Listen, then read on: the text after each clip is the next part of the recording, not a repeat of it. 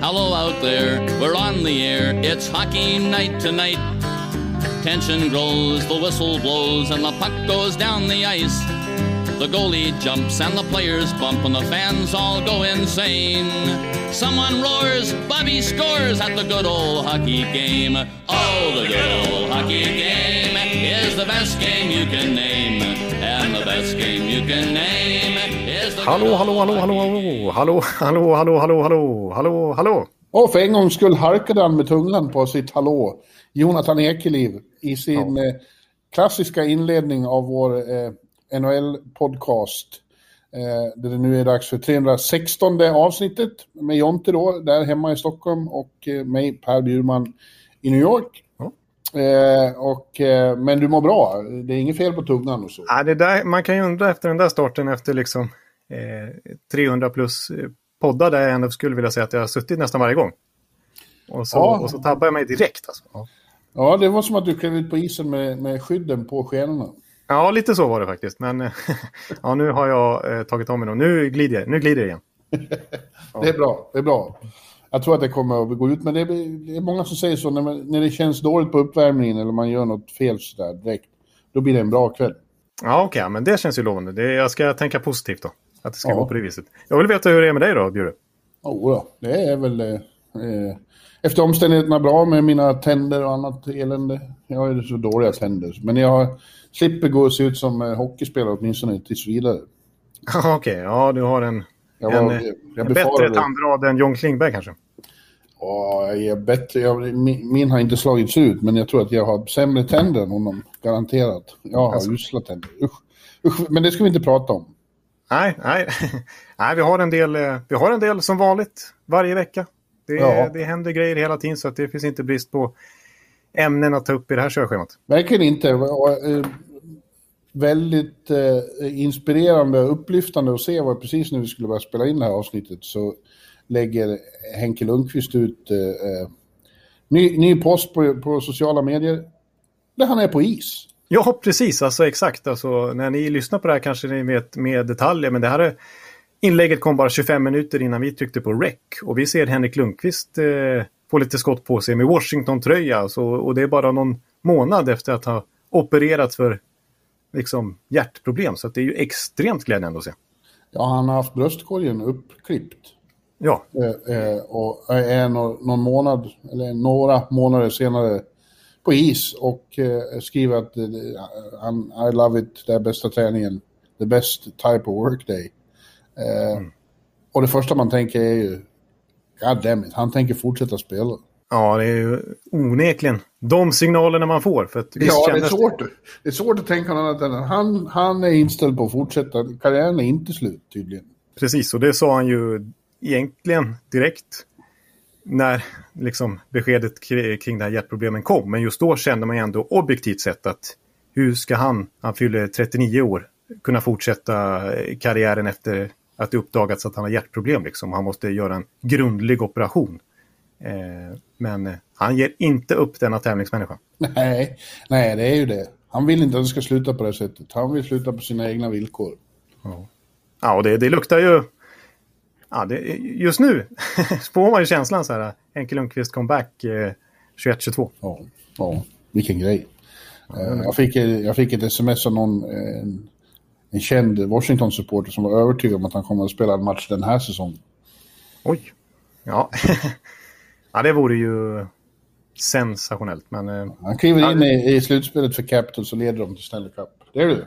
ja, Den, den sagan du, Ekeliv. ja, ja, jag vet inte riktigt vad jag ska svara på den, för det vore så sjukt. Att, ja, det, nu kanske vi drar lite långt. Nu Men, ska eh, vi keep our shirts on. Ja, det får vi faktiskt göra. Nu, ska jag, nu, nu är det nästan bra att ha skridskoskydden på, eller på att säga. I alla fall skjortan. Ja, ja, ja. ja, eh, men som vi har konstaterat tidigare så händer det alltid saker i den här ligan. Eh, Det är en drama queen till liga. Och i Lundqvists förra klubb så blev det riktigt, eh, en riktig härva häromdagen. När det plötsligt framkommer att eh, lagets största stjärna, Temi Panarin, the breadman, kliver, kliver iväg från laget ett tag för mm. att han hemma i Ryssland har anklagats för att ha, ska ha misshandlat en ung kvinna för, vad är det, nästan tio år sedan när han spelade i Ryssland. Eh, mm. Och eh, det heter då överallt från Rangers och från bedömare både i Ryssland och här att det handlar om en politisk, ett politiskt hitjob. Att ja. eh, det är hämnd för att eh, Panarin har uttalat kritik mot Putin-regimen. Precis. Han har ju varit, det, det är ju inte vanligt bland ryska idrottare att, att eh, gå emot Putin och vara öppet, öppen med det i intervjun. Var det i somras eh, och nu på sociala medier härom månaden bara så, så gick han ju och stöttade oppositionsledaren Navalny. Ja, och, och det är farligt i Ryssland för, även för vem som helst. Och även för, eller kanske framförallt för kända människor. Ja, ja precis. Och om vi ser andra nödspelare som Ovechkin och Malkin till exempel så är de med i Putins propagandamaskin istället. Och jag såg till exempel att Radulov hade likat Pananins inlägg eh, om Navalny och sen tagit bort det. Ja. Det, det, kan man ju tolka vad som helst om, men det, det är känsligt i alla fall. Ja. Det, det, ja, det är ett understatement att det är känsligt. Men Panarin har i alla fall varit en av få som har vågat ta ställning mot Putin. Och eh, ja, det är ju grova anklagelser som riktas mot Panarin. Men än så länge så verkar det vara väldigt lösgrundat. Medspel, dåvarande medspelare i Vitjas, som han spelade då när det ska ha hänt 2011 i Lettland, bortamatch i Lettland, säger att det här är ju, det här stämmer ju inte. Nej.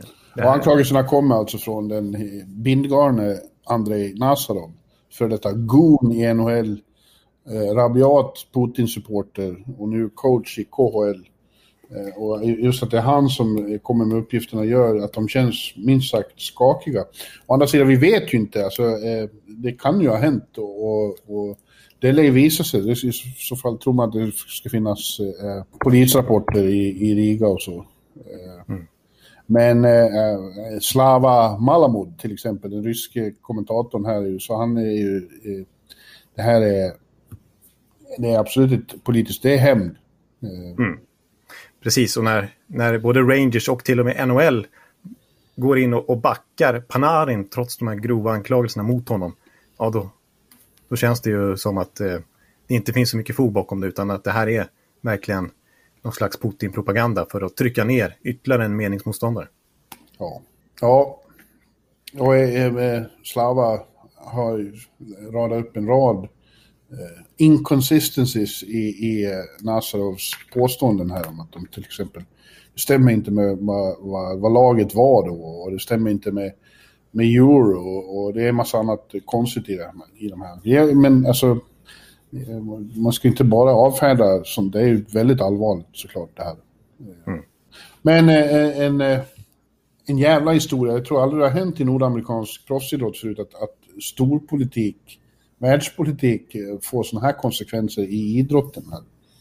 Ja, det är alltså Rangers största stjärna. Det, det är inte vilken marknad som helst. Och, eh, nominerat till Hart Trophy häromåret. Det är en av NHLs stora affischerna får man ändå säga att Panarin har blivit som helt plötsligt tar time-out här nu på i princip politiska grunder känns det som. Han ja. klarar inte av att fokusera på hockey just nu.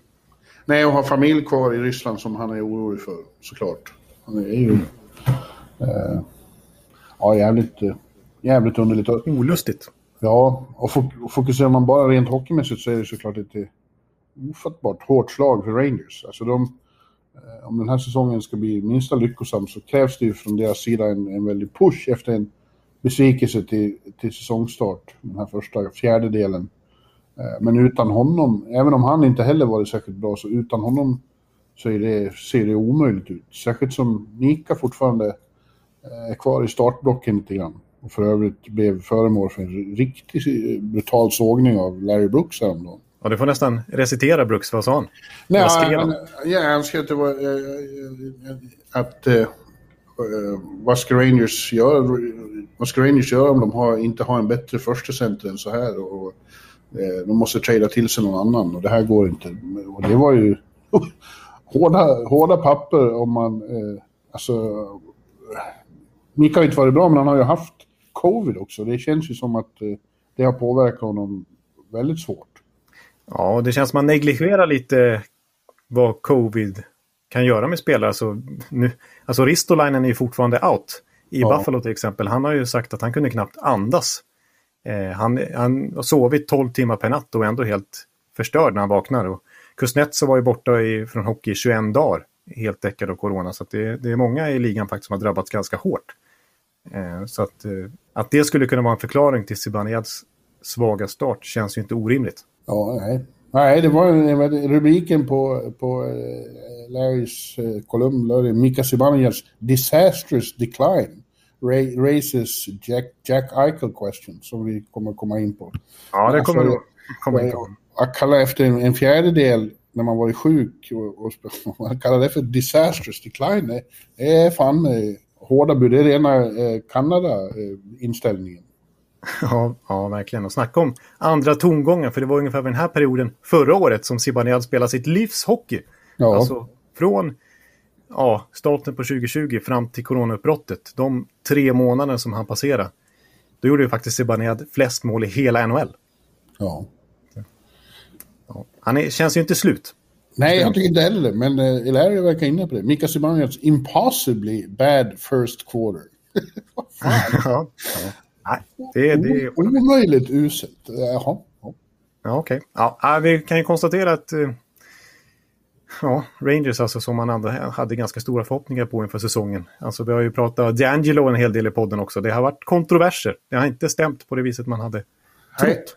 Nej, det har inte alls gått bra. Och, och, och problem, ett huvudproblem är att de där bästa spelarna inte har kommit upp i samma nivå som i fjol. Det är helt klart. Nej, precis. Och de har inte lyfts av en eh, ny Lafrenière till exempel heller. Nej, han har en, en samma slags rookie-säsong som Jack Hughes. Det är, det, det är lite eh, snopna för dem med det här är ju att de för första gången på, på många år spelar ganska bra försvarshockey. Eh, ja. Jacques, Jacques Martin har ju satt ett betydligt bättre spel än, än vad de har haft på, ja, sen, sen eh, finalåret. Ja. ja, den mest imponerande rookien är ju Kendra Miller där på backsidan. Ja, men även Fox har ju varit lysande. Nu har vi tappat Troba då, det är på skada och det är lite tungt. Men eh, eh, det känns som att de wastear lite för att man vet ju att offensiven finns där. Och, och så blir det eh, waste. Ja. Det är inte i år de ska, de har ju sagt att det är från och med 22-23 de ska vara contenders. Ja, och ska man se det positivt så att, att plötsligt försvaret nu börjar sitta bra med Lemaire och de nya killarna som kommer upp Fox som du säger som har blivit första back i princip nu. Ja. Sjestjorken som ändå gjort det ganska bra tycker jag. Ja, absolut, är, han, han känns som att han blir vassare och vassare. Precis, och så en forwardsida med enorm potential med flera spelare som ändå underpresterar. Det är ju inte deras riktiga nivå vi ser skulle jag ändå vilja säga om flera av dem. Inte nej, bara det, är inte, det är inte disastrous decline. Nej, nej precis. Så, nej, nej, jag är inte orolig för Rangers framtid trots alla skriverier här på slutet och kontroverser och tumult. Eh, så eh, går ändå att se eh, ganska många ljusglimtar. Ja. Men eh, vi nämnde eh, Eichel där. Mm. Eh, och det är ju som vanligt, det har väl varit så i flera år när, när det börjar hacka direkt för Buffalo. Det, det går ju inget bra nu heller att, att eh, det ska vara trade på gång, att han håller på att slösa bort sin, sin prime i ett lag som aldrig, aldrig lyckas. Eh, och på Long Island igår så var han ju, åtminstone inledningsvis så var det många som häpnade över hur slarvig han själv var och slog felpassningar i parti och minut. Eh, ja. Och det var det direkt spekulation om att han vill markera att han vill därifrån. Han gör en Pierre-Luc Dubois. Ja, det, det, har vi, det har han ju inte sagt. Han har inte uttalat det någon gång att han vill bli tradad. Nej, det här är ju faktiskt yttre spekulationer alltihopa. Det är inte ens direkt källor inifrån som nej, nej. säger att han håller på att begära en trade, utan det här är ju rent spekulativt. Men däremot så har han uttryckt frustration många gånger över att det, att det aldrig blir någon riktig ordning där. Att de aldrig får in någon riktig vinnarkultur. Mm, ja, så sent som i, i somras då. Eh, när ja. Buffalo missade bu bu bubblan. Ja, han uttryckte att det finns en förlorarkultur i klubben. Ja. Jag måste svara på ett mejl här faktiskt. Mitt i alltihop, ja. Från en chef. En av dina och mina chefer. Eh, ja. eh, Emilia heter hon. Mm. Jag är tillbaka nu och svarar på det där mejlet till Emilia. Ja, snyggt. Ja. Ja, nej men äh, Buffalo, vi, vi trodde ju, både du och jag trodde att det i år skulle hända. Det har vi sagt många år. Men eh, säkert du tycker jag var väldigt eh, optimistisk inför den här säsongen. Pekade på Rasmus Dahlin och så. Men eh, de fortsätter i samma anda som de, de flesta åren här på slutet. Ja, precis. Alltså, det, är, det är samma gamla grej. Och eh, något som jag var väldigt kritisk mot när vi pratade om de här Eichel-kommentarerna i våra somras. Då, eh, det är ju, är ju ägarna. Jag fortsätter att peka på dem hela tiden. För att eh, de ser ju faktiskt ut nu Buffalo att missa slutspel för tionde året i rad. Det är uppe i tvåsiffrigt nu deras slutspelstorka. Ser ut som i alla fall. Och vad hände senast de gick till slutspel 2011? Ja, de fick nya ägare, Pegula-familjen, de här ja, typiska hands-on ägare som vill vara inne och peta i saker och ting och som inte är speciellt populära varken bland fanbasen eller ja, personal. Det, var, det har varit mycket turbulens kring dem i alla fall. Och de har ju stark ekonomi visserligen och de har fått ordning lite grann på sitt NFL-lag där Bills, men äh, jag har eh, upprepade gånger under NHL-poddens år här varit kritisk mot dem och jag tycker att det är grundproblemet. Men sen är det klart att det finns mycket att peka på. Man kan ju peka på Eichel själv att de inte har lyft under alla dessa år. Men, men han känns, det är svårt att ifrågasätta honom som spelare. Det är en riktig vinnarskalle. Han, äh, alltså, Mark Scheifele i, i Winnipeg tyckte till exempel att han, att han, skulle vinna Hart Trophy förra året för att han var så dominant. Och mm. hade en så jämn nivå då. Um, man kan peka på Ralph Kruger som coach som ju känns liksom som vi har hyllat och som omtyckt bland, bland spelarna och så här, men samtidigt är han den sjätte coachen nu och försöka ta dem till slutspel under de här tio åren. Det känns inte som att... Men hans fem företrädare lyckades inte heller så vad talar för att den sjunde ska kliva in och göra ja, Exakt, det känns som, det, det känns som en, en återvändsgränd att sparka tränare igen och hoppas att nästa ska vara frälsare. Det, det måste bli någon form av consistency. Då. Först hade de Lindy Ruff i miljoner år. Ja. Och sen har de bytt nästan, ja, i princip ja, oftare än varannat år. Ja. Ja, exakt. Och samtidigt då alternativet att trade Eichel om man ser ett Buffalo-perspektiv. Det känns ju inte heller bra. Deras bästa spelare som de toktankade för att få. De ville ju helst ha McDavid, men de fick Eichel och de har inget dåligt tröstpris. Så jag har svårt att se att de ska kunna få något bättre i att Nej. trada en gjuten första center i sin prime. Eh. Nej, det blir mycket bättre att trada Taylor Hall här, som inte har varit någon succé alls där uppe. Nej, och samtidigt har det kommit spekulationer nu från typ TSN, LeBrun och det här gänget att eh, det finns mutual interest, ömsesidigt intresse av att eh, förlänga trots den här svaga starten. Alltså Taylor Hall, han har ens gjort ett mål än så länge. Ett mål tror jag han står på. Ja, ja de har ju några, deras dyraste spelare har ju varit underpresterade. Det gäller inte minst Jeff Skinner också som får 9 miljoner och är healthy scratch. Ja, ja. Det, måste, det var någon som spekulerade i det igår. Han måste vara den dyraste healthy scratchen någonsin. Ja, faktiskt. Snacka om... Det är ingen annan som tjänar 9 miljoner som är healthy scratch. Nej, gjorde alltså 40 mål sin debutsäsong i Buffalo. Fick det där monsterkontraktet och sen dess, ja, han var ju healthy scratch delvis även i fjol. Ja. Att, ja, sen hyllade vi dem också före säsongen här för att, de, för att Kevin Adams var ny general manager, att de inte tog en av eh, the good old boys. Eh, och det såg ju bra ut på pappret, men eh, nu börjar man ju undra vad han pysslar med. Och synnerhet nu när du säger att han är intresserad av att förlänga med, med Hall då. När det är sånt gyllene läge att ha honom på ett år och sen tradar vi deadline och får mycket bra inför framtiden. Vore inte det självklart? Jo, det, det tycker jag verkligen jag. Men sen måste jag också säga att de har lite för dålig grund att stå på defensivt också för att kunna lyfta offensivt. För jag tycker man pratar så mycket om deras offensiv och att liksom Eichel ska omgärdas med bra spelare. Men förutom att Hall inte har blivit någon hit så jag menar det finns en Olofsson som gör det jättebra, nästan uppe på en, en poäng per match hittills den här säsongen. Det finns en Sam Reinhardt som är lite underskattad sett till att han draftades, han draftades ju före Dreisaitl till exempel, så han har höga krav på. Vilket jävla mål han gjorde igår. Ja, nej, men det är, det, är en bra, det är en bra spelare. Eh, det finns Eric Stahl, det finns Dylan Cousins som har kommit upp här nu också. Så offensiven tycker jag på pappret ändå ser väldigt bra ut, men defensivt ja, målvaktssidan är ju densamma. Hatton Ullmark, det är liksom inte toppklass i NHL. Och backsidan så trodde vi mycket på Dalin, men han är ju framförallt en offensiv kraft och i egen zon är han ju inte så mycket. Han är ju liksom ingen första back, back defensivt i närheten av det än så länge i karriären.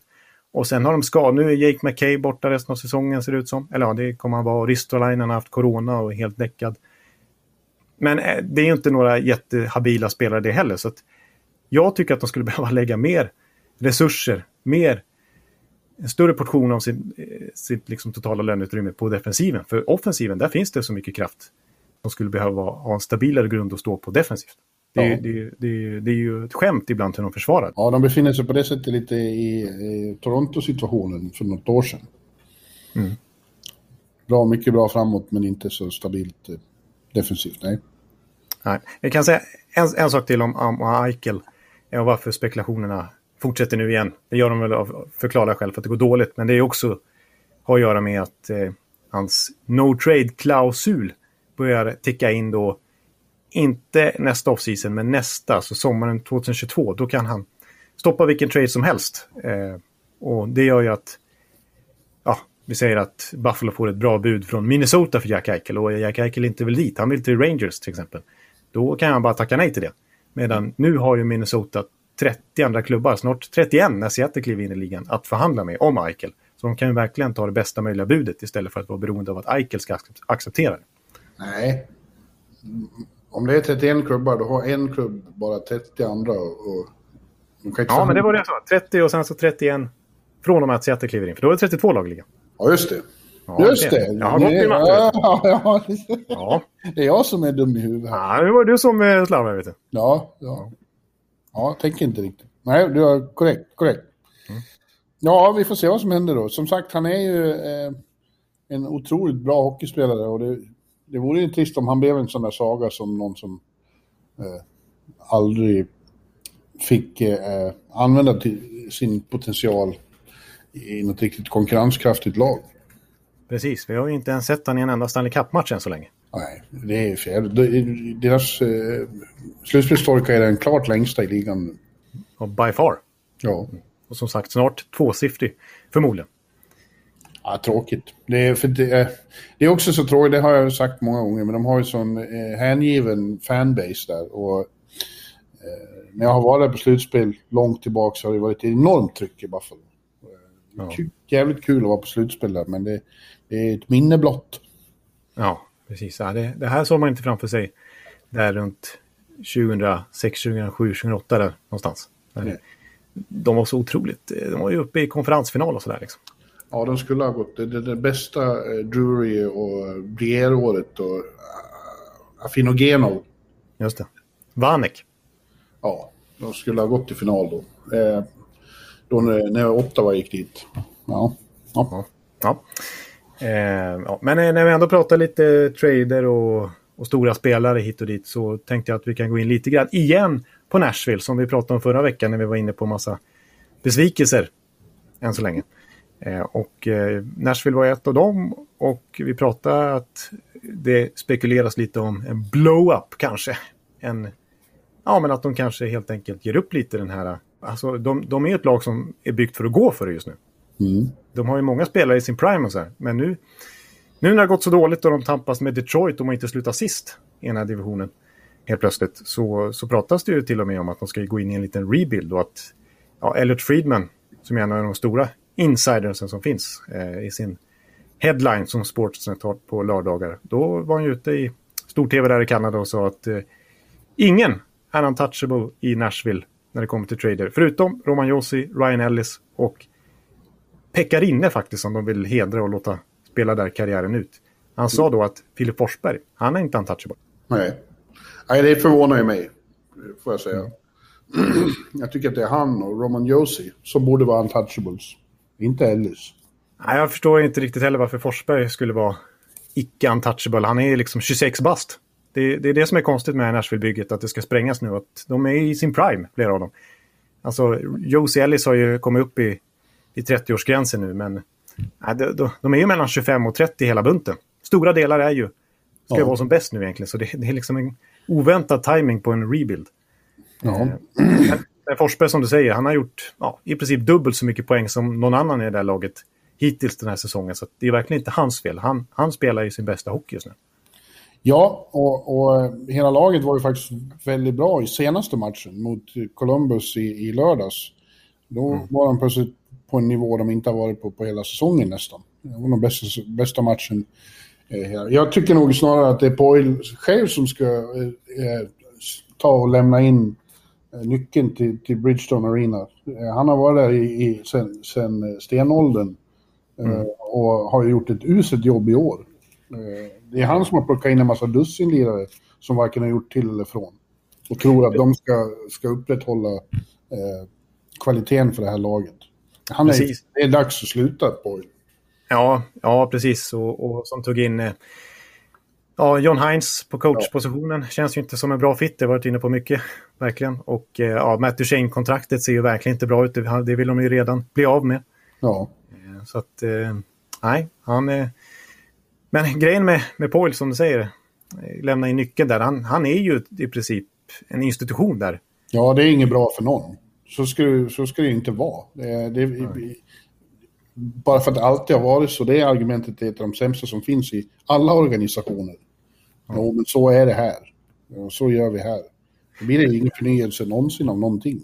Nej, men han, han, han är så synonym med dem nu så att det känns nästan som att han är ägare. I alla fall när det kommer till att han har liksom högst mandat när det kommer till sportsliga beslut. För att eh, han fick frågan här för en tid sedan, liksom, eh, vad är riktningen egentligen för Nashville Predators? Eh, så här, eh, apropå att det har gått lite dåligt nu. Och han sa, ask the ownership. Och så kollar man the ownership. Det är ju 17 pers som äger Nashville. Ja. Det är en stor ägargrupp, så fansen vet ju inte vem de ska liksom kritisera. Det är en massa anonyma eh, folk där uppe i ledningen. Så det, Poyle är verkligen ansiktet utåt för hela organisationen. har ju varit där för alltid. Mycket längre än någon. Ja, jag vet. Jag hör dig. Men jag tycker inte det är något bra. Nej, nej, precis. Det är det, det, är, det är det som inte är bra. Och ska de gå in i en ny fas här, då känns det som att, ja oavsett egentligen, så känns det som att man vill inte låta Poyle leda den. Nej. Utan nu behövs det något nytt. Ja, ja. exakt. Mm. Vi kan nämna ett namn då som det pratas mycket om apropå ja, Forsberg. Men en svenska i alla fall. Eh, Mattias Ekholm. Ja, eh, det har ju varit i flera veckor att, att han kan bli tradad. Eh, och att det skulle finnas såklart ett väldigt intresse för honom ute där. Det är, eller hur? Precis, alltså han har ju en låg capita sett till vad han presterar och vad han erbjuder i form av enorm, eller enorm, en stor rutin och sen så väldigt habilt tvåvägsspel. Alltså under 4 miljoner dollar i lön i ytterligare en säsong efter denna. Ja. Det är klart att han, eh, eh, att han skulle vara intressant för många contenders då, som, som ligger lite tajt mot löntaket, de skulle ju faktiskt kunna pressa in Mattias Ekholm. Då. Jag tänker till exempel på ett Ja, men Boston, som ju tappade både Kära och Krug, skulle kunna Boston få in och Philadelphia har det också spekulerats i. Ja, jag tycker Boston är en sån eh, fin fit med tanke på att de, det är just ja. vänstersidan de skulle behöva stärka upp. Och jag tycker Ekholm har erbjudit så mycket. Han är som versatile, han är en mångfacetterad spelare. Liksom. Eh, men även Philadelphia som du säger, eh, kanske ganska offensivt lagd backsida som skulle kunna få lite bättre balans med en sån som Ekholm. Ja. Winnipeg har också pratats om. Kanske inte skulle vara det roligaste i världen att flytta till Jag tror firma Ekholm med Björnstad hellre ser ett Boston eller Philadelphia-flytten upp till Winnipeg i alla fall. Ja, jo, jo. Ja, eh, intressant. Men eh, jag, jag har väldigt svårt att se Filip och Arvidsson i andra tröjor däremot. Det känns konstigt. Och Järnkrok. Ja, det är inte omöjligt, men eh, visst känns det lite märkligt. Den lojala Järnkrok kan du väl inte trada som har varit så klubbvänlig i sina kontrakt och så. Hans kontrakt är ett av de mest klubbvänliga vi har sett under lönetakseran och just därför skulle han säkert vara attraktiv också på marknaden. För att det är en låg capita och ett säkert kort att plocka in. Man vet vad man får. Och samma sak med Arvidsson tjänar inte heller speciellt mycket. Ja, drygt 4 miljoner dollar per säsong. Och sett till man presterar just nu så är väl inte det något fynd precis. Men vad han ändå har presterat totalt sett de senaste 3-4 åren så är det ju en Duracell-kanin. Eh, för en ganska rimlig, rimlig lön. Så att han skulle säkert också locka till sig intresse om det verkligen är så att han är tillgänglig. Ja. ja. ja. Mm. Du, eh, vi nämnde i förbigående så nämnde du Minnesota där som en tänkbar eh, adress för Eichel. ja, ja, ja, precis. Ja, faktiskt. De skulle behöva en första center. Mm. Ja, men just nu så ser de eh, väldigt bra ut. Ditt favoritlag där uppe i norr. ja, kallas för det. Det är lite kul att de har fått den hetaste kedjan just nu i hela ligan senaste dygnen. Eh, den internationella med Viktor Rask som center mellan, mellan eh, norrmannen Mats Zuccarello och ryssen Capriso. Ja, precis. Där. De har, de har gjort 14 poäng på två matcher. Ja, precis. De har fullkomligt... De har ju gjort poäng i varenda byte, känns det som. Ja. Eh, fantastiskt. Och alltså, två sådana artister som... Eh, som eh, Suk och Caprizo måste vara underbart att spela med för, för, för Rask. Eh, men jag hade kontakt med honom igår han sa att ja, vi är alla tre smarta spelare som jobbar hårt och vill hålla mycket i pucken. Är, och vi har fått ihop bra kemi här. Lika barn leka bäst. Ja. ja. Men framförallt ja, kul för, för Rask att liksom få den här möjligheten efter att ha varit eh, ja, men en hackkyckling där i Minnesota och, och eh, buyout-kandidat och så här. Så jag plötsligt får spela den här omgivningen. Och ja. också kul för Zuccarello eh, efter sin otroligt tröga start i Minnesota. Skadeproblem, handoperationer och sådär. Han har inte blivit... Nej, handleden har ju jäckat honom sen han fick den avslagen i början av Dallas-tiden. Ja, men nu... Nu är det den gamla Zuccarello. Ja, den här comebacken. Det är väldigt roligt att se honom på isen igen. Vilken lirare han är. Ja, jag kan förstå att han och Kaprizov passar ihop. Det känns ja. som två hockeyhjärnor som liksom... Ja, men som gillar att gnuggas mot varandra. Ja. Vi, vi är glada åt att eh, vi har norsk representation i ligan igen. Ja, just det här segmentet är nog min kärestes eh, favoritsektion i poddens historia, eller på att säga. Det har inte varit ja. så mycket snack. Säg något på ditt andra modersmål. Det är ju helt fantastiskt. Hvordan Minnesota spiller nå med sånn fantastisk Zuccarello. Er, han er jo verdens beste spiller. Er, han har sånn otrolig skicklig sån klubbeteknik och så vidare. Nej, nu ska jag sluta. Jag, vet att jag... Jag, jag, tycker, jag tycker det är fem plus. Mycket mor, morsamt att lyssna på. Ja, bra. Bättre betyg än vad jag kommer från, från Norge kan jag säga. ja, eh, Montreal var eh, också heta ett tag, men det är de verkligen inte längre. Eh, eller, alltså, det är inte så att de har totalt havererat, men de har förlorat några matcher och eh, det accepteras inte. De måste vinna hela tiden, annars så blir det som det nu har blivit att eh, de vill sparka Claude Julien. Många fans och journalister där uppe spekulerar om det. Det är dags för ny coachning. Ja, alltså Montreal är ett lag vi har hyllat den här säsongen och som började ju urstarkt och vi har nämnt dem som en contender. Så går det någon vecka bara. Torskat fem av de senaste sju matcherna och nu trendar liksom Fire Julien som hashtag i, i Montreal, i Quebec-trakten där liksom. Ja. Så det, det går undan, det är som du säger, det, det räcker för att vända opinionen helt. Somliga hävdar att Julien är, är överskattad, är han det? Jag vet inte, alltså han, det som de känns mest upprörda över just nu i Montreal det är att han inte gör, att liksom, det känns som att han inte gör någonting. Kom igen nu Julien, eh, vaska om i kedjorna nu när det inte funkar. Du måste inte hålla fast vid de här kedjorna hela tiden bara för att det funkar i början av säsongen. Han står där lite passiv på bänken och, och eh, de har torskat mot Ottawa liksom och i nästa match, ja, då är det ändå samma backpar och samma kedjor som kommer ut och det går dåligt igen och det händer liksom ingenting. Det är för mycket kontinuitet eh, i hans sätt att coacha liksom. Men jag vet inte, vi, vi såg, alltså, det är svårt att säga när liksom, nu är det en väldigt kort period vi summerar här i början av säsongen. Men om man ser över tid i Boston så var det ju det som blev hans fall lite grann till slut. Att han liksom inte hade verktygen för att förändra saker när det inte längre funkade. Den här Boston-eran som, gick, som han Stanley Cup och som gick till finaler och så vidare. Och, missade till slut två raka slutspel. Mm. Och, och de stod och, och bankade huvudet i väggen ungefär. Eh, så att jag vet inte om, om det är det som... Jag menar, på något sätt så blir ju hans mantra lite... Till slut kanske inte biter längre. Men jag vet inte om det är för tidigt att säga det i Montreal. Men det känns som att det är det som är frustrationen i alla fall. Ja, ja. Ja, eh, men eh, jag tycker att det känns som... Den går verkligen undan, alltså från ena ytterligheten till den andra. Och det är ju lika i, i, i det andra stora kanadensiska laget, Toronto. Det är inte helt belåtet där heller. Trots att de är etta i tabellen med viss marginal. Trots att de har eh, den överlägsne skyttekungen Austin Matthews. Eh, mm. Som ju går mot en helt sensationell säsong. Ja, i princip ett mål per match hittills. Ja. Och ändå är det gnys det för att de inte vinner alla matcher. Som kvällar som igår åker på förbryllande 3-0 förlust hemma mot Calgary. Det är första gången någonsin som Calgary har nollat Maple Leafs i Toronto.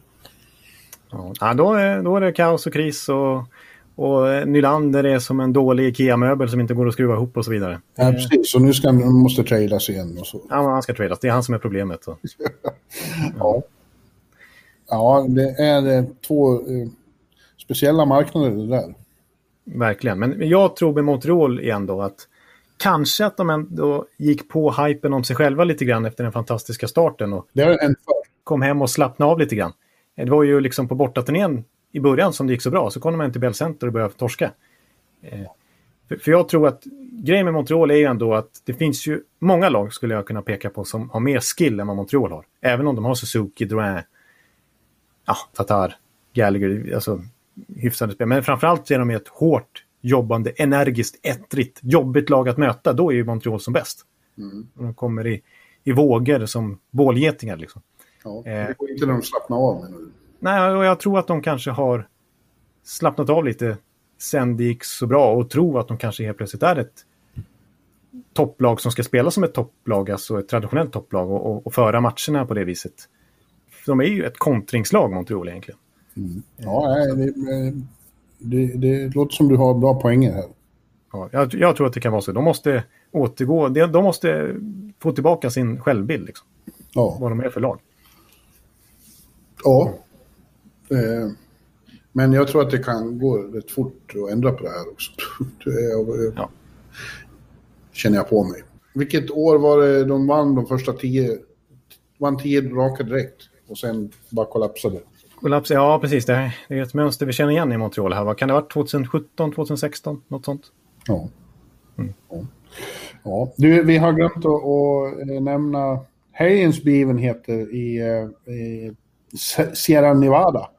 Eh, Lake Tahoe. Lake Tahoe, ja. Där vi hade två matcher i den kanske mest betagande miljön NHL någonsin har befunnit sig i. Är där vid Lake Tahoes strand, otroliga omgivningar. Det pratade jag om redan på förhand, att det är fantastiskt vackert där uppe. Jag har varit förbi en gång på, på sommaren då, och nu var det ännu vackrare med, med, i vinterskrud. Men det blev ju inte total succé eftersom första matchen där mellan Colorado och Vegas fick avbrytas efter en period eh, och sen var det ett uppehåll på sju timmar till andra perioden. Det är en lång periodpaus. Ja, precis. Och det kommer inte igång igen förrän då eh, vid midnatt, din tid, eh, på östsidan där. Nej, och det, men det var ju korrekt beslut för att isen var för dålig. De ramlade omkring, både spelare och domare fastnade i sprickor i isen och kunde ha skadat sig fruktansvärt. Ja, precis. Och det är klart att det låter lite parodiskt när Bettman står i tv sen och säger att ja, alltså, det, var, det är ju massa moln på himlen och hade bara de skymt solen så hade det klarat sig. Så det, var, det är solens fel. Ungefär så. Ja. Men samtidigt så, så, så tyckte jag att det var en lite vågad och på förhand i alla fall ändå kanske rättmätig chansning av NHL att jag menar, matchen sändes på NBC, huvudkanalen. Ja. Eh, det var, här var största exponeringsmöjligheten för NHL under hela den här pandemisäsongen. Ja, ja jag, tycker att det, jag tycker att det är lite väl konservativt och puritant gnäll om att, eh, att de inte ska göra sånt här. Eh, det är klart de ska. Och det var ju otroligt coolt. I en period i alla fall. Och det var coolt att se det sen också med, med solnedgången och allting på, på kvällen sen. Men, Ja, men det, alltså, det var en vågad chansning. Ja. ja, och jag tror att de är eh, som helhet, om, om de inte behöver lyssna på de gnälligaste kanadensiska tyckarna, och det ska man ju undvika i möjligaste mån, eh, så tror jag att de fick blodad tand av det här och kommer att försöka samma saker igen vid sidan av eh, de stora arena utomhusmatcherna som de ju inte kommer att sluta med, därför att de är ju som, de är ekonomiska guldkalvar. Ja. Ja. Så min, mitt intryck efter de här två matcherna, trots att det, det blev stora förseningar och trots att jag inte gick upp klockan sex på morgonen och såklart den där matchen sen, är ändå att jag vill se mer sådana här typer av matcher. Det är ändå min, mitt intryck. Ja, samma här. Grand Canyon. Ja, ja det var det. det ja, jag tycker det är coolt. Central Park och The Mall i Washington. Och sånt. Det kommer att bli kanon. Ja, det, det, det, det håller jag med om. Eh, från, är något du tar med från matcherna? Jag tar väl med mig i alla fall David Pasternak. Ja, verkligen. Det var ju hans show på, på söndagen där. Jag tar med mig att jag vill, åka, jag vill också ta kanot till match någon gång. ja, du vill ta kanoten ja, just det. Ja.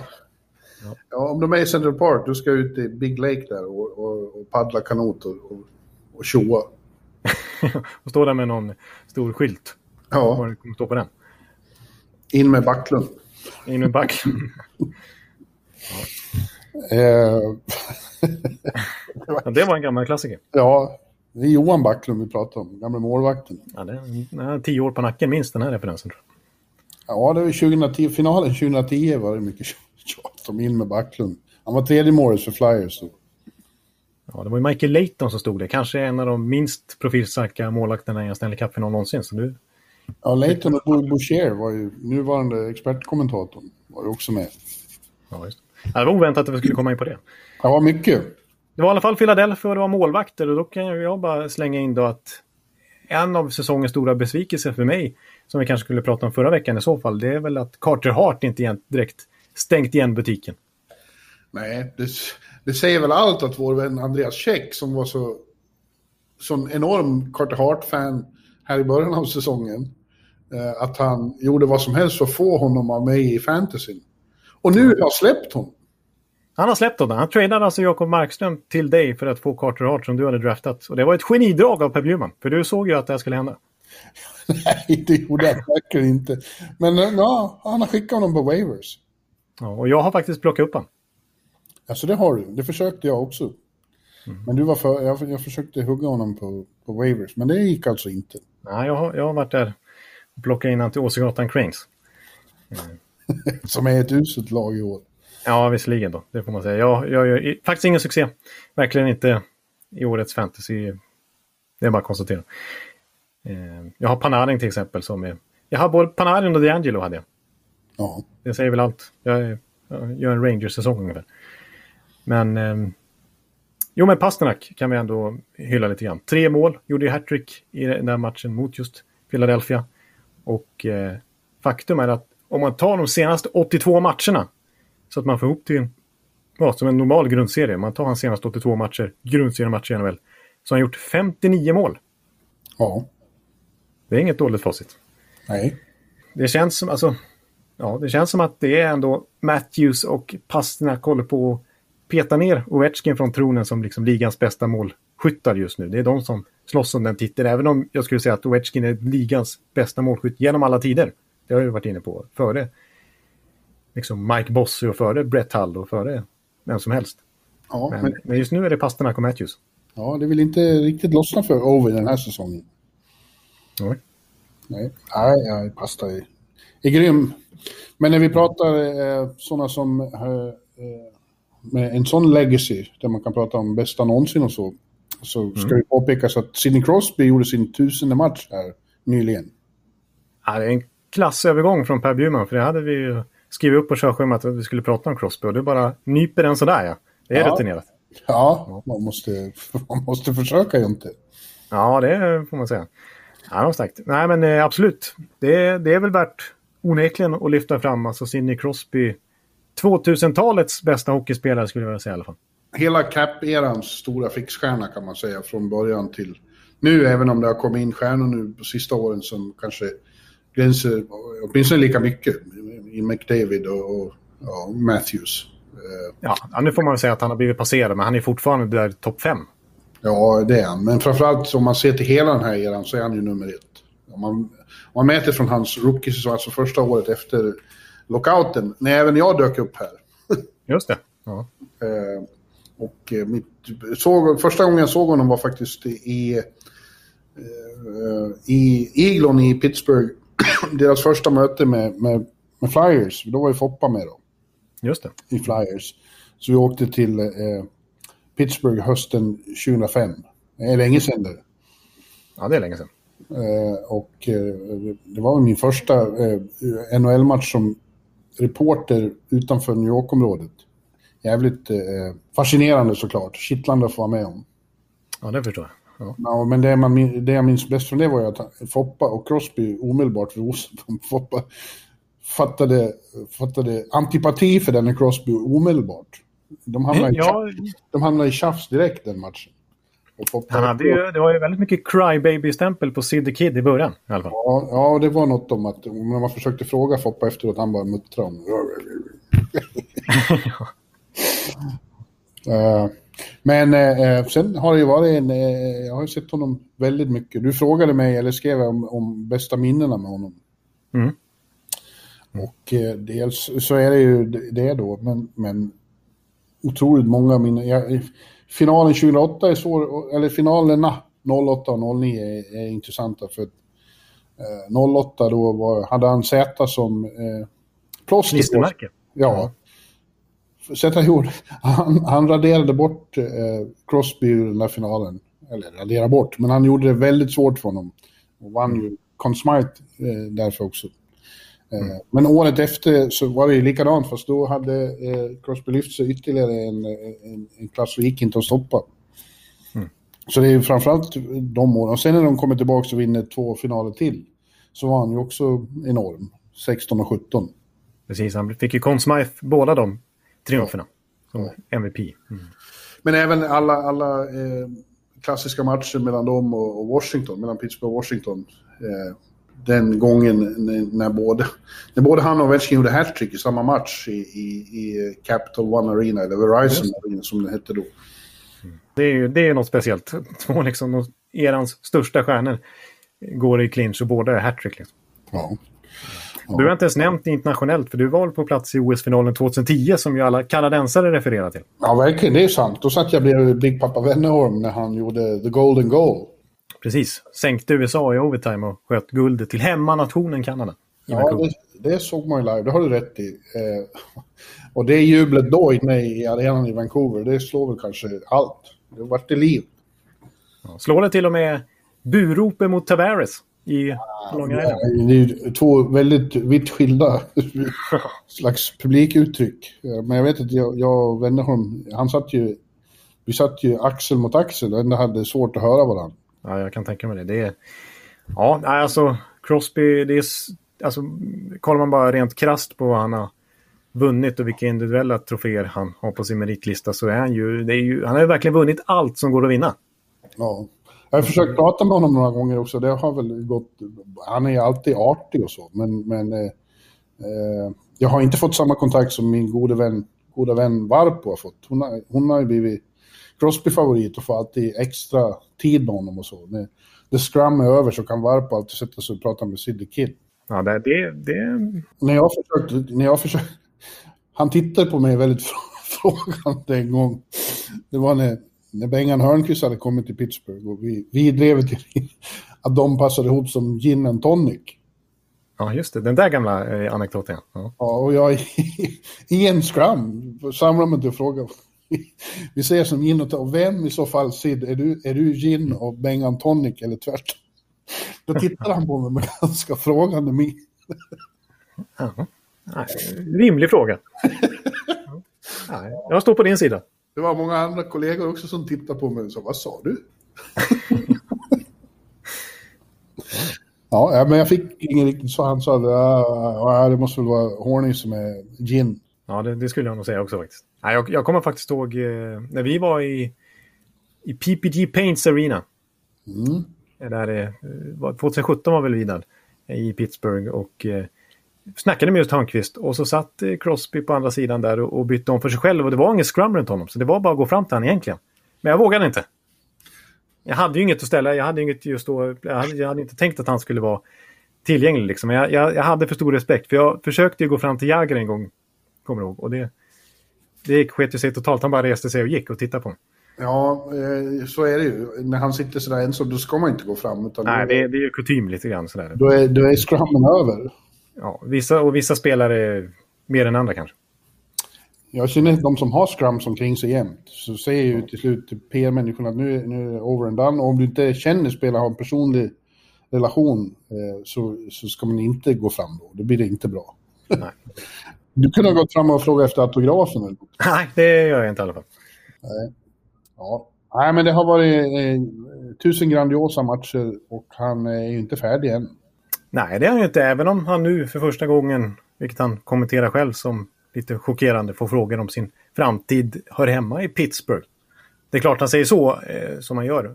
Men han hävdar i alla fall att eh, nej, han vill vara en Penguin for life. Ja, det tror jag, det tror jag är helt uppriktigt. Varför skulle han inte vilja vara det? Nej. nej. Det är det klassiska att vara i samma klubb. Även om nu Gretzky då till exempel snurrar runt i slutet av karriären. Men, men eh, varför skulle Sid göra det? Nej, han vill göra som Henrik Lundqvist. Henrik Lundqvist vill ju inte heller lämna. Nej, han har, han har vunnit tre Stanley Cup. Det är inte så att han har något och, och liksom, som han måste jaga i kapp. Nej. Nej, precis. Nej, jag, jag, jag förstår det. Och jag tror också att det är uppriktigt. Kan du se Crosby i Rangers tröja? Nej, det kan Nej. du inte. Nej, det kan jag inte göra. Ja. Och inte i Tampa tröja heller. Nej, det kan jag faktiskt inte göra heller. Det, det, det, det, enda liksom laget som det har spekulerats lite grann kring, och det kan jag inte heller se framför mig, det är ju att han skulle förenas med... Nathan McKinnon har ju Crosby som idol och skulle verkligen vilja spela ihop med honom. Att han skulle komma till Colorados bygge. Nej, det går inte. Nej. Nej, han blir kvar i Pittsburgh. Det tror jag vi kan vara nästan 100% säkra på. Ja, jag håller med dig. Jag, jag tänkte också, vi bara, i ett historiskt perspektiv, alltså vart slänger man in C.D. Crosby så mycket som han hade visat just nu? Det är en stor fråga, så att det här kanske vi skulle behövt förbereda ännu mer i så fall. Men, men jag känner väl att, för mig i alla fall, det, jag tycker vissa har honom lite för långt ner. För mig är han en topp 5-spelare genom alla tider. Ja, det kanske han är. Alltså det är ju, det är Gretzky, det är Lemieux, det är Orr, det är min topp tre. Sen är ju Gordie Howe naturligtvis och så är det ju Jager, Jager kan man nämna, alla de här Montreal-killarna. Ja. Eh, men eh, ja, jag tycker Crosby i alla fall är topp fem. Eh, och jag tycker att det är... Och Jonas Frögren får du inte glömma. Vem sa nu? Jonas Frögren får du inte glömma. Ja, han är väl topp 10 i alla fall. Ja. Nej, men jag vet att jag låter historielös och väldigt ung nu. Men eh, jag tycker ändå att det är större... Att det, för jag värderar det tyngre att vad man har presterat i någorlunda modern NHL-tid också. När det är 31 lag, eller 30 i alla fall lag i ligan. Och eh, det är en, hockeyn har gått framåt på ett helt annat sätt. Det är liksom inte 80% kanadensare i ligan. Det är inte sex lag i ligan. Det är, det är europeer som har kommit dit. Det, det, hockeyn har taktiskt utvecklats mycket. Målvakterna har blivit enormt mycket bättre. De är mycket större. Alltså det är, det är mycket svårare att prestera i dagens hockey. Jag håller absolut med. Mm. Är det någonstans uttrycket det var bättre förr inte stämmer så är det ju i NHL. Precis, och att då liksom hävda att Gordie Howe är såklart bättre än, än Sidney Crosby när han gjorde allting, det mesta. Han gjorde det under, under många sek under många decennium visserligen, ända in på 80-talet. Sekel? Under många sekler. Det känns ju nästan som när man pratar Gordie Howe. Ja, både på 1700-talet och 1800-talet. Ja. Ja, ja, men... inbördeskriget på 1860-talet.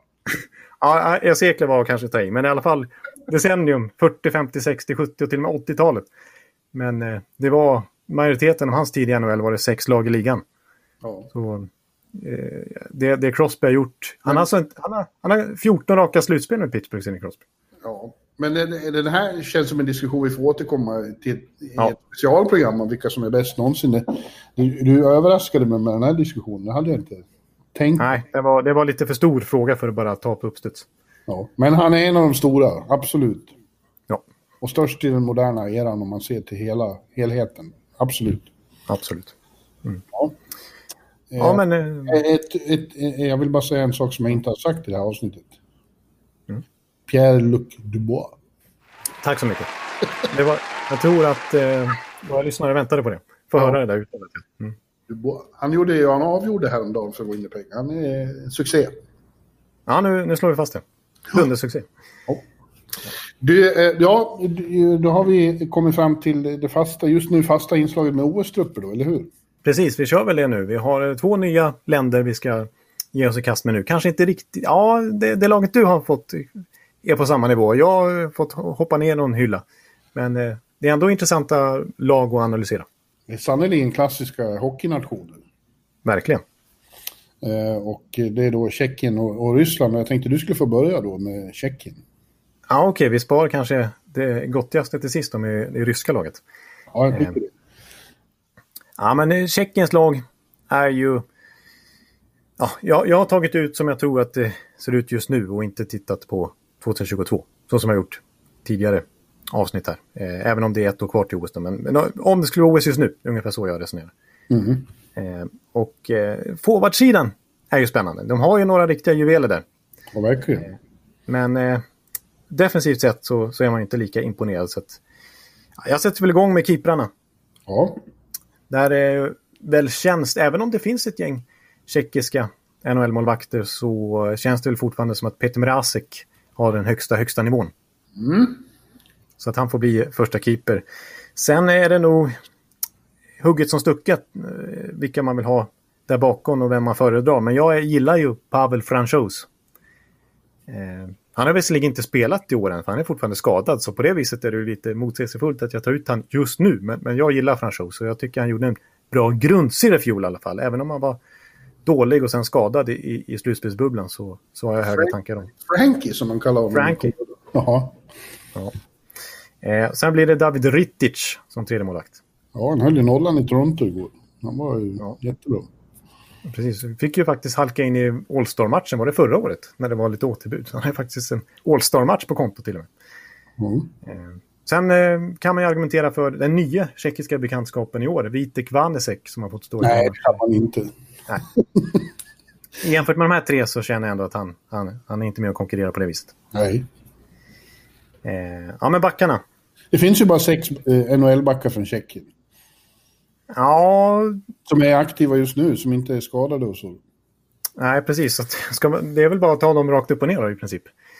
Men, eh, ja, men jag, jag läser upp dem hur jag har formerat i alla fall. Ja. Ja, det är faktiskt en som är skadad just nu som jag tagit med i första backpar för att jag känner att han håller den kvaliteten när han är skadefri. Även om han varit väldigt mycket skadad på slutet så att det återstår att se hur han, vilken form han kommer tillbaka i. Det är Mikael Kempny. ja, just det. Eh, och ni har ju vilken nivå det är på. Det är liksom, han skulle inte ta plats i någon annan backsida här av de länder vi har gått igenom hittills. Men eh, han kommer, kliver in i första backpar här. Gjorde det faktiskt väldigt bra när han kom till Washington från Chicago och, och vann kuppen där 2018. Eh, och har ju varit ja, men stabil topp 4-back i, i Washington sedan dess. Innan skadorna. Men han får spela första backpar med den nya tjeckiska stjärnan, deras enda riktiga backstjärna. Det är ju Filip Hronek i Detroit. Mm. Som ju har offensiv uppsida och som ju ändå typ är första back får man ändå säga i Detroit. Ja, fast det, det tål att påpekas att ingen av de här tjeckiska backarna har gjort ett mål än. Nej, nej, så att det är ju... Vi kanske inte ska stanna för mycket vid den här tjeckiska backsidan. Jag har i alla fall Jakub Suboril från Boston ihop med Radko Gudas i andra backpar. Och eh, sån här Radek Simek från San Jose ihop med Jan Rutta från Tampa. Som, som ska ha ett P framför sitt eh, eh, efternamn, tycker jag. Eh, Ja, just det. Det, det tänker jag inte säga nu vad det blir. Men det Nej. hör ni ju själva.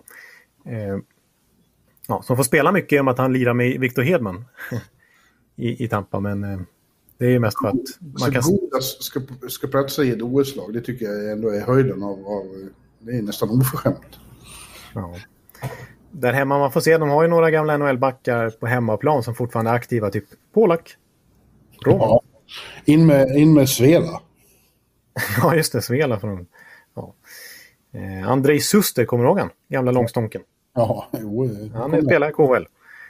Ja. Men det, nej, nej, när man, man eh, läser upp de här backarna så känner man att det blir... Tjeckiens eh, tid som stornation är ju över. Eh, det kommer Ja. inte räcka. Även om, de har, även om den här forwardsidan ger lite hopp i alla fall så, så kommer den här backsidan inte kunna stoppa Sverige, Finland, USA, och Kanada och Ryssland. Nej. Nej. Eh, ja, första kedjan då. Ja, kedjan på forwardsidan är det ju desto intressantare, tycker jag. Ja, så här Ja. finns det ju många kombinationer. Bättre än jag har eh, tänkt mig. Ja, ja du ser. Eh, så att här skulle man kunna ställa upp det på olika sätt. Men jag väljer att ta... Ja, Pasternak är ju den stora stjärnan naturligtvis, som har varit inne på mycket i podden hittills. Mm. Eh, han får ju spela, inte ihop med Patrice Bergeron, men i alla fall eh, en annan klubbkamrat, eh, David Krejci. Säger jag. Mm. I första kedjan. Eh, de får ju lira ihop en hel del också ibland när de splittar upp det där i Boston. Så jag säger att Krejci och Pasternaks kemi får... Ja, det får vara även i tjeckiska landslaget här. Och sen så, vem ska man sätta på vänsterflanken? Jag som Tampa Boye-Jan vill ju gärna sätta Ondrej Palat där, men jag förstår att det blir för... Då får jag kritik igen, så att jag sätter Dominik Kubalik. Nej, jag skulle nog ta Palat. Är det? Ja, tror jag. Men ta Kubalik du. De, han är, väl- det är hugget som stucket som det heter. Ja, precis. Två riktiga... Alltså, Kubalik är också en riktigt bra målskytt. Inte på samma nivå som Pastnak naturligtvis, men, men eh, på en hög NHL-nivå. Ja. Eh, det är ju en riktig sniper. Eh, I andra serien så sätter jag ju... Eh, våra säck har fått halka ner i hierarkin till, till eh, andra kedjan och han vill också spela högerforward helst precis som Pasternak. Så därför tycker jag att det är bäst att sätta han där istället för första kedjan. Och Thomas Hertel som center där, och visst han skulle kunna vara första center ihop med Pasternak också. Eh, jag gillar Hertel. Mm. Stor, tung men ändå teknisk. Och, alltså det, det, han erbjuder mycket. Eh, och till vänster så ja, vill jag ha en liten speedkula bredvid rutinerade Vorasek och storväxt i Hertel så sätter jag Jakub Vrana faktiskt. Jaha, men Palat är inte han med i någon kedja alls? Han. ja, nej. Nej, men eh, Ondrej Palat kommer först i, i tredje kedjan här, som jag tycker är intressant. Eh, där sätter jag Palat ihop med Martin Nechas som center. Från eh, Carolina som jag tycker... Carolina går ju starkt överhuvudtaget i år. Jag tycker Nechas känns som att han har tagit ett steg till. Det är ju med stora förhoppningar på, på honom inom Carolinas organisation. Han börjar etablera sig som, som en, som en topp 6-spelare verkligen i NHL. Mm. Eh, och eh, till höger om honom, Palat Nechas, så sätter jag eh, faktiskt en spelare som bara lirat två matcher den här säsongen, men som jag gillar skarpt och som jag tycker har stor potential i sig. Det är Ondrej, en till Ondrej, Ondrej Kase. Kase? Mm, Kase, som du alltid säger. Så det blir två Ondrej, Ondrej Palat, Martin Nechas och Ondrej Kase. Kase. Eh, och sen i fjärde kedjan så en rent defensiv kedja jag väljer. Så jag väljer faktiskt att peta till exempel Filip Skyttil och Filip Sadina som kanske annars är aktuella om ett år. Ja, jag tror jag. Men jag sätter en, en riktig brunkarkedja här med Radek Faxa som center. Thomas Nosek från Vegas till höger. Och eh, en ganska skicklig spelare visserligen, men som också hyfsat defensivt. Och storväxt, Pavel Sacha. Ja. ja, men de behöver ju en sån de behöver verkligen en defensiv kedja med tanke på hur klent det är på backsidan. Ja, så därför vill jag trycka in lite den typen av spelare också. Så att, ja, jag tycker ändå forwardsidan är, den är bra. Skulle de mm. ha motsvarande nivå backsidan, då skulle de ju vara med och hota. Ja, men det har de inte. Nej, det har de inte. Nej. Innan, du, innan du går in på Ryssland så vill jag bara säga lite grann att det kommer lite mer uppgifter om, om, om den här OS-turneringen nästa år även om NHL-spelare ska vara med och att det är genomklubbat och så vidare så, så lär ju inte corona vara ett minne blott. Den här Nej. tiden nästa år, även om vi hoppas på vaccin och så vidare och, och att eh, det är bättre förutsättningar än vad det är nu. Men det spekuleras lite löst enligt Pierre Brunn och de här insidersna på TSN och så vidare i Sportsnet att hur, hur de ska lösa, hur de ska go about things helt enkelt. Och en spekulation är att det ska vara en separat OS-bubbla i Nordamerika istället för att flyga över alla NHL-spelare. Att någonstans i USA så, så spelas OS-turneringen. Bullshit, det kommer aldrig att bli. Det kommer Kina aldrig att gå med på. Nej. Nej. De spekulerar så mycket, de hittar bara på. De hittar bara på eh, de här insidersen. Ja, i det fallet så tror jag det. De är, I Kanada är de hysteriska kring covid, så det förstår jag att de funderar på. Men, men eh, det kommer eh, att vara en annan värld om ett år. Definitivt. Det kommer inte vara ett minne blott, men det kommer att vara mycket bättre. Ja, vi, hoppas, vi hoppas varför, skulle, varför skulle andra idrottare åka om inte NHL? Varför ska de vara de enda som inte åker? Nej, det... Vill ju inte spelarna heller. Poängen med att vara på ett OS är ju att, att de är på OS. Ja, jag tycker att hela magin kring att det är en OS-turnering försvinner lite grann om de ska spela matcherna i Denver. Liksom. Ja, verkligen. Ja, nej, för i helvete. Nej, nej vi, vi tar det, det ryska laget och det är jag spänd på och se vad du har fått ihop. Ja, det är lite intressant, eller mycket intressant på olika punkter. Målvaktssidan har ju inte varit någon, någon, någon särskild styrka i princip inte sedan Tretjak slutade. Nej, det känns men, i princip så. Men nu känns det som, eh, de senaste åren har det blivit en av deras eh, främsta eh, positioner. Alltså du kan ju ta ut två ryska OS-trupper målvaktsmässigt. Ja, det kan jag. Med en massa ungdomar framförallt. Men, men jag... Eh, ettan tycker jag ändå är given. Det är Vasilevski. Han är ju bäst. Han är en av världens... Han tävlar med Hellebucken eh, Carey Price och några till om, om, om vem som är bäst i världen just nu. Jag som är oerhört subjektiv eh, skulle vilja säga att nej, Vasilevski är världens bästa målvakt. Ja. Okej, okay. men jag hävdar att det finns konkurrenter. Mm. Mm. Eh, och sen tar jag ut eh, Anton Kudobin, eh, som ju har visat vad han går för. Eh, och dessutom är ju väldigt eh, van vid rollen som backup. Eh, och, och, när han behöver komma in så är han strålande och går Vasilevski sönder så, så är han väldigt pålitlig. Var i slutspelet häromdagen så såg vi när Florida pangade på 49 skott mot honom. Han tog 49 skott. Ja, de pangar på över 50 skott till och med. Ja. ja, och sen finns det som sagt många alternativ, inte minst bland de yngre, men jag tar Igor Sjistorkin.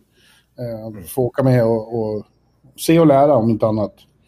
Eh, men som sagt, det finns ju fler. Då är Valamov, eh, Sorokin, eh, Samsonov. Eh, Bobrovski. Ja, Bob, men Bobrovski, så, det, honom litar vi inte på längre. Nej, så i den här konkurrensen nu förut, jag menar fram till för bara något år sedan så hade ju Bobrovski känts given, men han har ju blivit rejält omsprungen, framförallt av alla de här yngre Ja, förmågorna. Varlamov tycker jag också är aktuell. ja jag sa ju det. Mm, ja, precis. Men jag tänkte Varlamov tycker jag är definitivt är... Jag tror många skulle ha han topp tre faktiskt. Ja, men det det är bättre att ta en ung målvakt som tredje mål som åker med och, och blir ännu bättre. Absolut. Ja, jag, jag, jag skulle nog kanske ranka... Så jag håller för sig med om, om, om. Gäng- Alltså nu när, nu när du säger det. Annars hade jag nog... Innan jag hörde dig så hade jag nog sagt eh, eh, Vasilevski, Sjestjorkin och eh, Varlamov. Ja, men nu blev det inte så. Nej. Tishonov Bjurman tar ut eh, Kudobin istället. ja. Eh, backsidan är ju lite som med Tjeckien. Att det, det- är inte och har inte på länge varit eh, Rysslands starka sida. Men de har ändå en, en okej uppsättning. Första backpar är ju riktigt bra. Mm. Eh, och det är Provorov och Sergachev. ja. De är inget fel på. Nej, det är, det är kvalitet. Och, och Provorov tycker jag tar steg lite grann hela tiden. Ja. En av NHLs bästa skridskoåkare skulle jag vilja hävda. ja. Eh, men sen är det lite svårare. Men jag har eh, Orlov och Romanov som andra backpar. Unge Montreal-mannen där. Ja, just det. Han är så pass högt upp i hackordningen redan. Ja, och sen har vi Zaitsev och Sadorov. Men alltså, du kanske vet några i KHL som är bättre. Vi har Gavrikov och Kulikov också. Men eh, det är inte så jättegott om ryska backar. Nej, precis. Och, eh, nej, jag kommer inte på någon i Ryssland där som jag skulle vilja kasta in rätt in jämfört med de här alternativen som du kommer med. Eh, ja, Gavrikov är jag ganska imponerad av Columbus, men ja, jag skulle nog hålla dina alternativ högre ändå. Ja, det får bli så. Ja, Det är spännande med Romanov. Jag, frågan är om han, om han platsar redan nu, men jag tycker att, eh, att det är en väldigt intressant... Ja, du får berätta vem som ska in istället. Nej, precis. Det är det man måste göra om man ska peta någon. Ja, men kedjorna, det finns ju offensiv firepower, så heter duga då. Eh, och min första kedja är Ovechkin, Kuznetsov, hans kompis från Washington, och de får spela med eh, Svechnikov från Carolina, kan de gamla slagskämparna. Ja, de får försonas. Eller Ovi, det var inte så mycket slagsmål, Ovi sänkte honom. Ja, det var eh, ett par slag och sen så var ju faktiskt eh, Svetjnikov nästan medvetslös där en stund. Ja, usch, det var hemskt. Jag satt och tittade på det eh, i hallen. Eh, men den... Eh, Ovechkin måste vara i första kedjan, eller hur? Spela mycket och bomba, bomba, bomba. Ja, precis. Så. Och Kuznetsov spelar han inte med jämt. Det är Becker som är hans radar på det, men de spelar ändå rätt ofta ihop. Ja, men just det. Om jag ska tänka OS nu egentligen så det glömde jag bort att tänka på. Men Kuznetsov kommer inte vara med i OS. Han är ju avstängd på grund av det här Jaha. kokain-grejen. Faktiskt. Ja, ja. Så internationellt sett så har han ju, klassas ju det som ett dopningsbrott. Okej. Ja, men, Men då- skit i det nu i, i, det, i det här fallet. så. ja, men om jag tar ut bästa laget så är det han som är första center. Ja. Grejen är att de har inte så jättemycket förspänt på centersidan. Och eh, om inte Kuznetsov kan, då faller ganska mycket där. Men en annan som man ju inte vet nu då om han överhuvudtaget kommer vara med, det är Panarin. Troligen inte. Eh, om han är liksom i inbördeskrig med sitt land. Och de som Nej, det är ju högst osäkert. Mm. Men om han skulle vara med, då skulle det vara Panarin, Malkin och Bushnevich i andra kedjan. Ja, Okej, du, du, du eh, petar upp Butjnevich eh, Ja. i topp 6. Ja, istället för Radulov då, som får vara nere i tredje kedjan. Just det. Och du väljer, och eh, alltså, om du tänker just nu, då har du inte med Kutjov. Fan, det har du ju rätt i. Nu har jag tappat bort kort. Jag har glömt bort Kutj. Ja, jävlar. Ja, men då är det ju ingen snack om. Då är det ju han, eh, Ovechkin, Kuznetsov och, eh, och, och, Kuch. Ja. Eh, då är det Svechnikov ihop med Panarin och Malkin. Ja, ja. Nu vart ju det här mycket bättre lag. ja nu, nu, eh, nu blev Tijuana nöjd. Ja, eh, och sen då eh, tredje eh, kedjan blir Kaprizov. Så flyttar in Dadonov som center, för det finns ingen annan. Nej, det är det som är problemet. De, de har, det, det förstod jag att du skulle få problem med. Att centersidan är ju, tunnar ju ut snabbt. Ja. Och sen eh, Borshevich då, eller Radulov. Eh, jag vet inte. Eh, nu vart det lite förvirrat här med Kutjov kom in i leken. Ja. Men fjärde kedjan, där har i alla fall satt Barabachev som, som center, för han är ju en bra, eh, han har ju varit bra eh, i St. Louis i, i sån shutdown. Motsvarande roll. Mm. Ja, och det var till Gusev Gurianov var med honom där, men en av dem försvinner ju då. I och med att eh, Coach kom in i truppen. Ja, just det. Och Gusev Gurianov känns som väldigt renodlade offensiva spelare. Ja, det- de, har inte så bra förspänn när det kommer till eh, grinders. Liksom. Nej, de har bara varsel, men han får, han får sköta det själv då. Ja. Ja, det är ett lite dåligt balanserat lag, men det är vad de har. Ja, precis. Alltså en, en annan center som, som skulle kunna vara, slängas in bara för att han är center, det är ju typ Namestnikov. Men, men Ja, det är inte någon, Nej. känns inte som rysk OS-lagklass. Nej, det gör verkligen inte det. Sen så Datsjuk är faktiskt aktiv hemma i Ryssland fortfarande om han skulle vara intresserad av att komma till 42 bast gammal eller vad han är. Han har i alla fall lite tvåvägstänk. Ja. Sen finns det en till spelare som, jag vet inte om du har glömt han, men som, som ju är ett, en X-faktor inför OS 22, 2022. Hans karriär kan ju i värsta fall vara över, men det är ju Vladimir Tarasenko också. Just det, det har jag fan. Jag glömmer bort de här skadade. Han är ju given om han är frisk. Ja. Han, skada, han har ju börjat träna i alla fall. Ja, precis. Men det är oroväckande med hans axel, återkommande axelproblem. Men, Ligger eh, du vaken och funderar på det ibland? Ja, jag tänker, hur ska det gå för Ryssland 2022? Nej, men eh, Du är orolig för hans axel? ja, det är jag faktiskt. Mm.